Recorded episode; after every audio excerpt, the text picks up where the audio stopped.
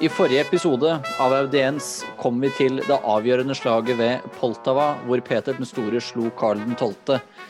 Denne episoden skal vi ta for oss årene 1709 til 1725, hvor eh, den siste perioden av Peter den stores regjeringstid er i fokus.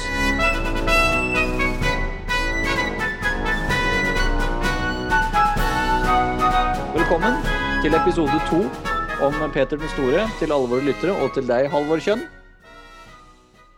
Du har da eh, skrevet eh, boken 'Det russiske imperiet', som eh, kom ut i fjor, hvis jeg husker riktig. Og vi skal jo da ta for oss årene 1709 til 1725, altså fra da slaget ved, ved, ved, Poltava. Og hva er det som skjer etter dette slaget, på en måte fortsettelsen av den store nordiske krig, og spesielt da for, for Karl 12., som ender opp i en helt annen plass av verden enn i Sverige? Ja, Carl eh, Stakkar han ender jo opp i Tyrkia. Og Carl er jo eh, han er jo manisk opptatt av å ta hevn over Peter og å forsøke å få tyrkerne til å gå til en ny krig mot Russland. Men eh, problemet er det at tyrkerne har, de har jo lovet eh, De har inngått en fredsavtale med Peter. Det gjorde de jo i 1700. Og den fredsavtalen gjaldt eh, fortsatt. Eh, og eh, disse svenske forsøkene på å få Tyrkia til å gå til krig mot Russland, de viser seg å være helt eh, mislykket. Og etter, etter å ha oppholdt seg flere år i eh, Tyrkia, eller på tyrkisk område, så eh, drar da eh, Karl 12. gjennom inkognito, i, i det skjulte altså, gjennom hele Europa Eh, han gir på noen få dager fra det nåværende Romania og opp til de svenske besittelsene ved Østersjøen. Og eh, kommer da inn i, på svensk territorium.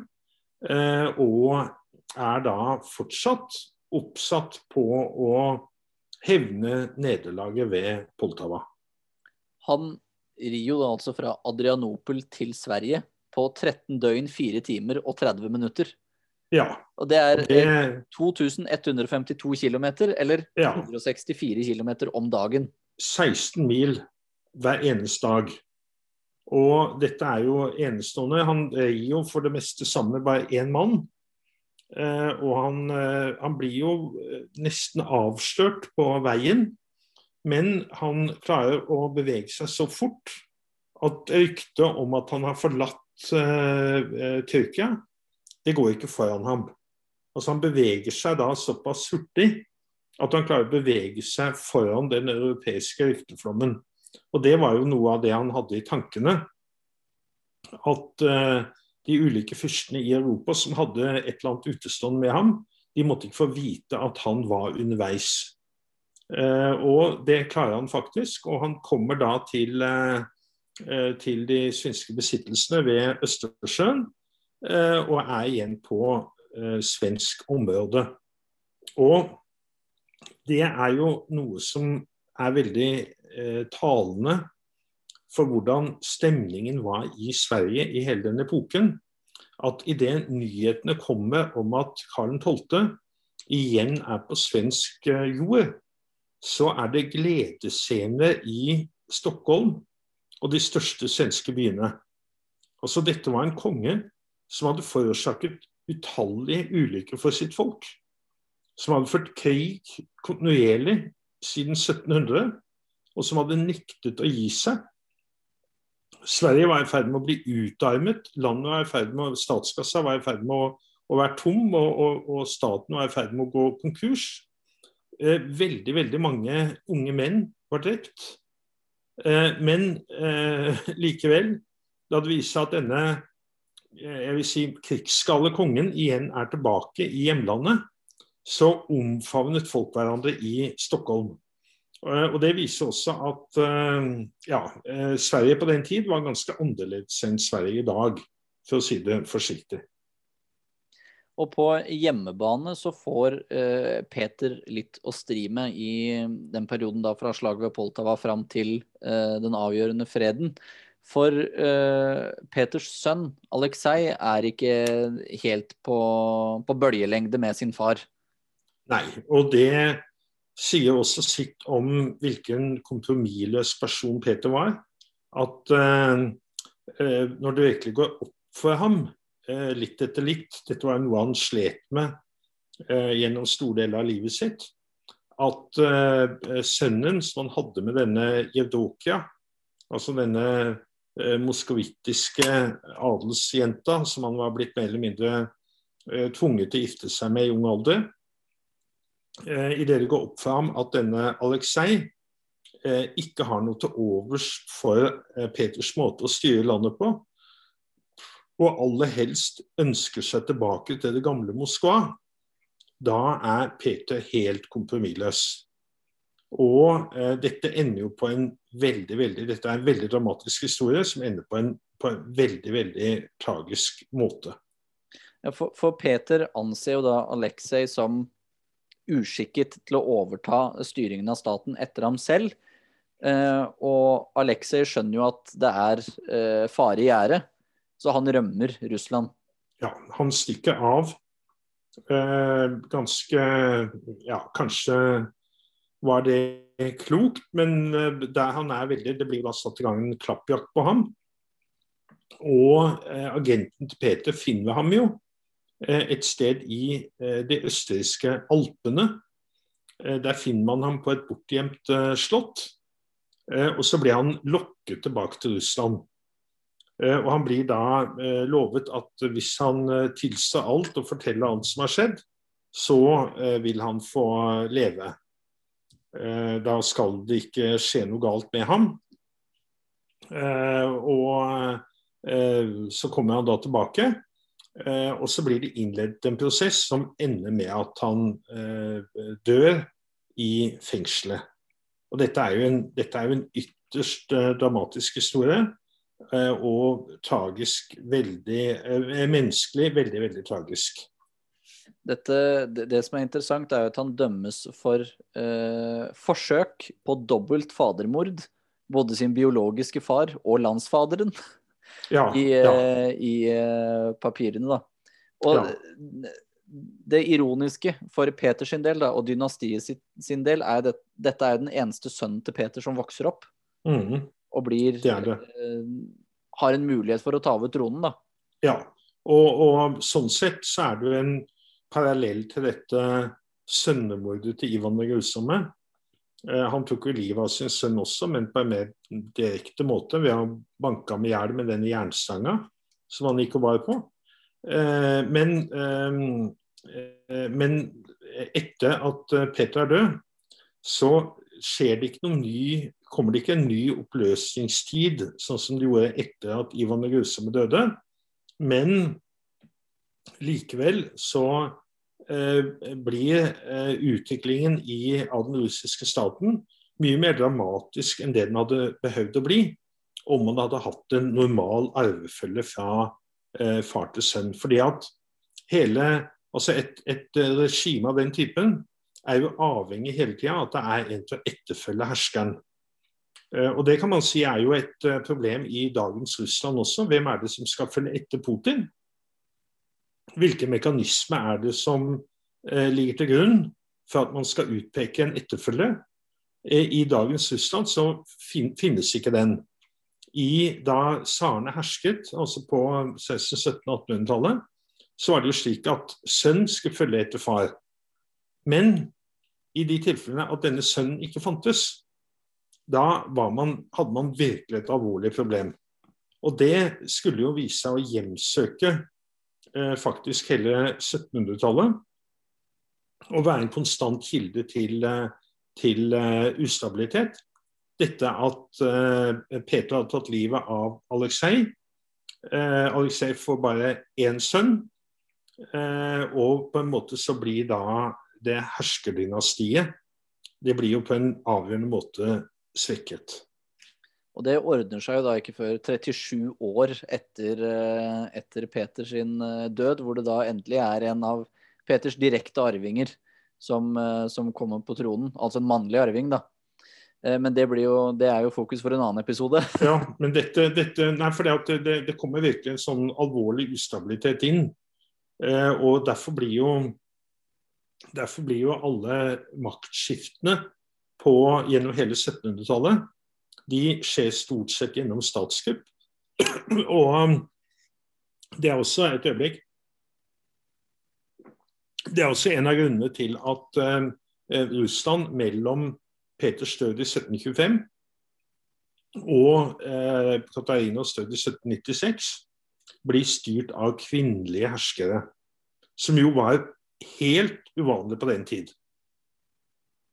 Men eh, midt oppi det hele, da, at eh, Aleksej dør, så begynner jo også den store nordiske krig å gå mot slutten.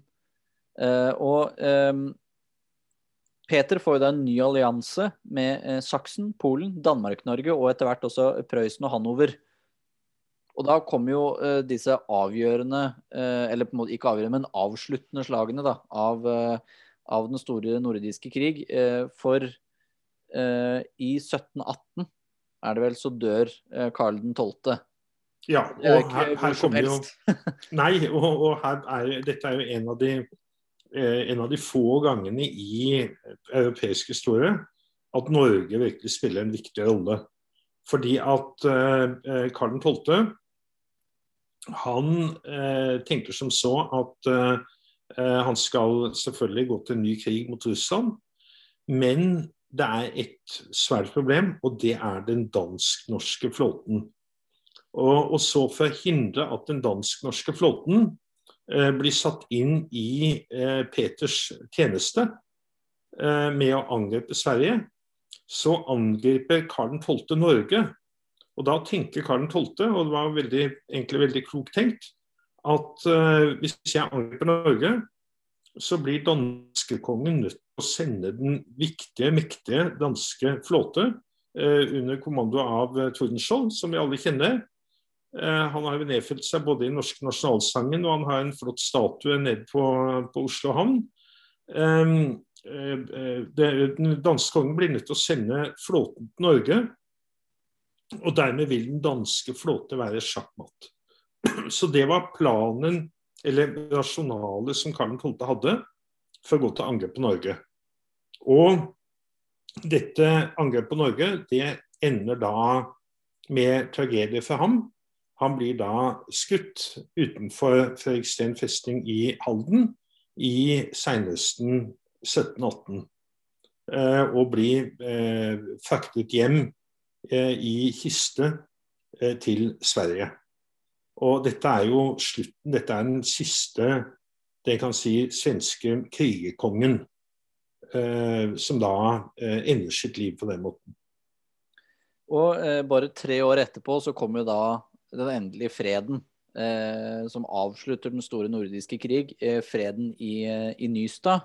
Ja. Og dette fører jo med seg nokså positive ringvirkninger for Peter, da. Som får diverse nye titler og lignende. Ja, han blir jo utropt til, eh, til keiser eh, over det russiske imperiet. Eh, og det som er viktig for ham, det er jo det at St. Petersburg er nå sikret. Jeg skildrer i boka grunnleggelsen av St. Petersburg.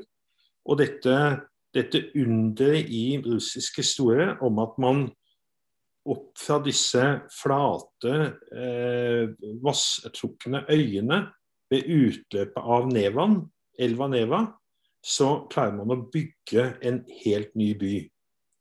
Og dette er jo en eh, lang og dramatisk historie. Men eh, Peter er jo ikke sikker på at han får beholde den byen før etter at han har slått Karl 12. Og, eh, og Peter var jo manisk opptatt av å sikre byens eksistens. Og hver gang det gikk dårlig i løpet av alle de eh, 21 år den store nordiske krig vedvarte, så ga han alltid ordre til forhandlerne sine om at dere kan gå med på hva som helst, men ikke oppgi St. Petersburg. Det var den ene viktige, det var ledestjernen i Peters liv. Dette er med å grunnlegge St. Petersburg, byen ved havet. Det blir vel da omtalt som vinduet mot Vesten? Ja, vinduet byen. mot Europa. Mm. Og, og, dette, og, dette, var jo på en måte selve krumtappen i hans liv, eller det eh, du kan si navet i hans liv. Dette er med at han bygget opp denne byen som var ikke vendt mot det russiske bondelandet, men vendt ut mot verdenshavene. Og, eh, og, denne, og da, for det var da han fikk virkeliggjort denne visjonen sin om at Russland skulle bli en havmakt. Og Med slutten av den store nordiske krig så begynner vi også å nærme oss uh, slutten på Peter den stores liv.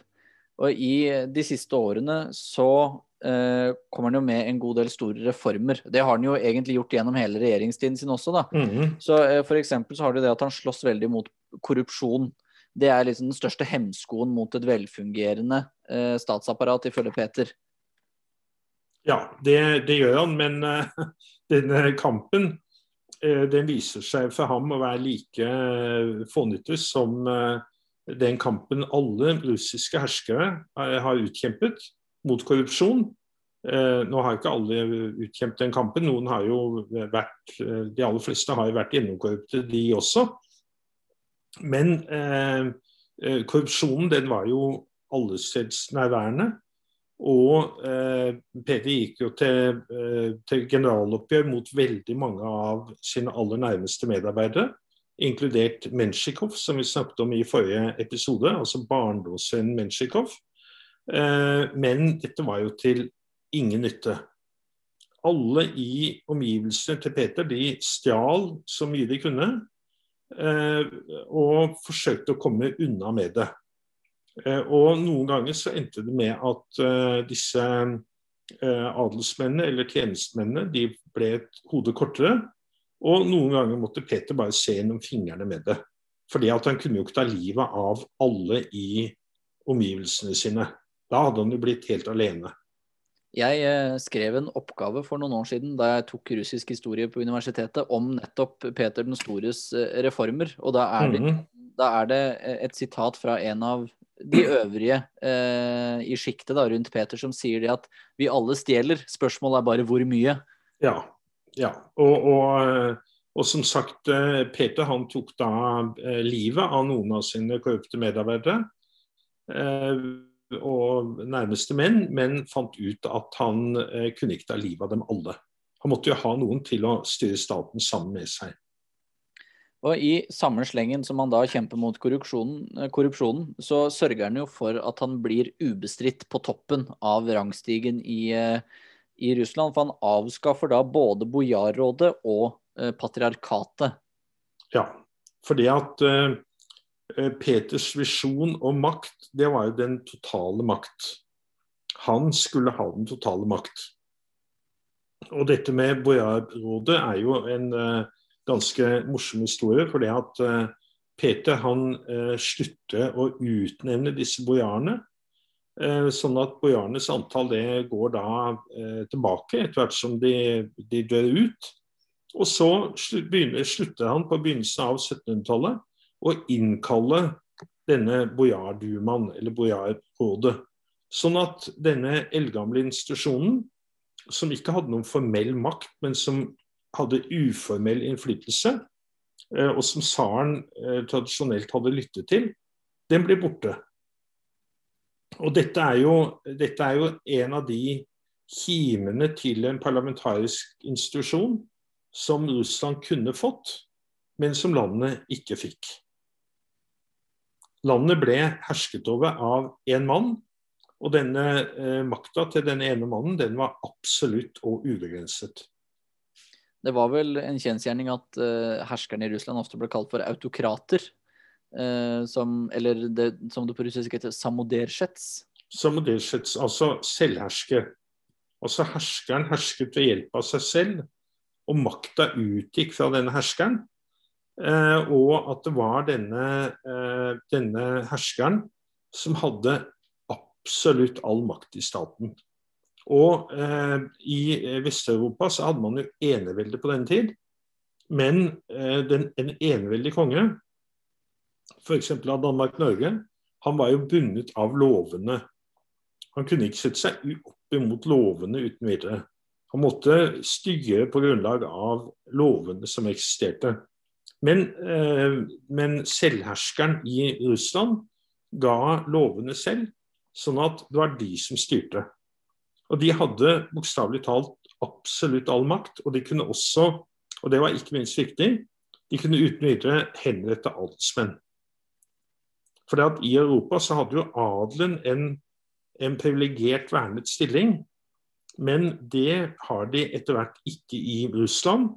De er like mye prisgitt eh, tsarens makt som den aller minste bonde.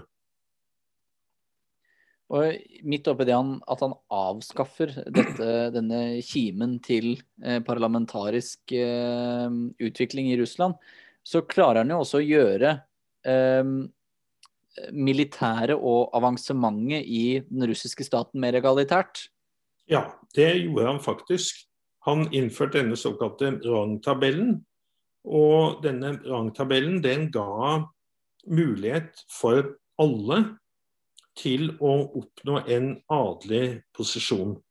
Hvis du fikk en posisjon i staten, og det var 14 ulike sånne grader av posisjoner, eh, og når du da kom opp i en, eh, en viss posisjon, så fikk du arvelig adelskap. Og da hadde du på en måte kommet inn i, inn i varmestua i staten. Eh, og, og, du, og, du, var da en del av det herskende, eller i hvert fall det styrende sjiktet. Og denne, denne eh, rangtabellen som Peter innførte, den medførte at du fikk en viss sosial mobilitet. Ikke mye, men en viss sosial mobilitet. Eh, og at eh, det var en orden på hvordan de ulike eh, adelsmennene, altså militære og sivile embetsmenn, hvordan de avanserte i staten. Det var vel slik at du lettere kom til en arvelig adelig tittel hvis du avanserte innenfor militæret enn innenfor det sivile? Ja, absolutt. Og der, derfor var jo dette med en militær løpebane det var jo den aller mest eh, fordelaktige. Og det understreket også Russlands eh, preg av å være en militærstat. Men eh, Peters liv går jo da mot, uh, mot, slutten, og det er jo en ganske et fint sitat du bruker i det han da går bort, om at han, eh, han elsket både Venus og et eller annet til eh, som er i boken. Ja, Venus, ja. Som, ja. ja. Eh, som en hentydning til det at han døde av en kjønnssykdom. ja, altså Vi vet ikke helt hva han døde av, men han hadde jo han hadde jo alvorlige problemer med å late vannet. Og det ble jo satt et kateter inn, inn eh, i ham.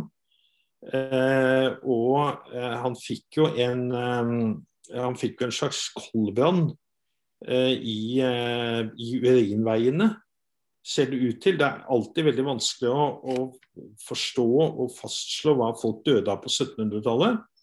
Men det at han hadde at han hadde problem du kan si som han ville formulert i dag, problemet med underlivet, eh, det er nokså nok så klart. Og han, han led jo en veldig smertefull død.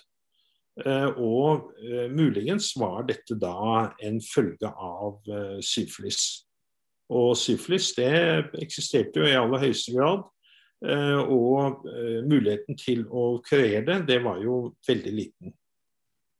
Så Peter den store, tsar, keiser og autokrat, dør, eller døde, den 28. januar 1725 klokken 6.00 om morgenen. Og med det så er også denne episoden uh, ferdig. Tusen takk for at du var uh, med meg og oss lyttere, eller dere lyttere, da, Halvor Kjønn. Tusen takk. Jeg vil igjen bare uh, nevne for våre lyttere om at de bør lese 'Det russiske imperiet' av Halvor Kjønn. Jeg har bare et par kapitler igjen før jeg er ferdig. Og det er ei rivende god bok. Vi lyttes.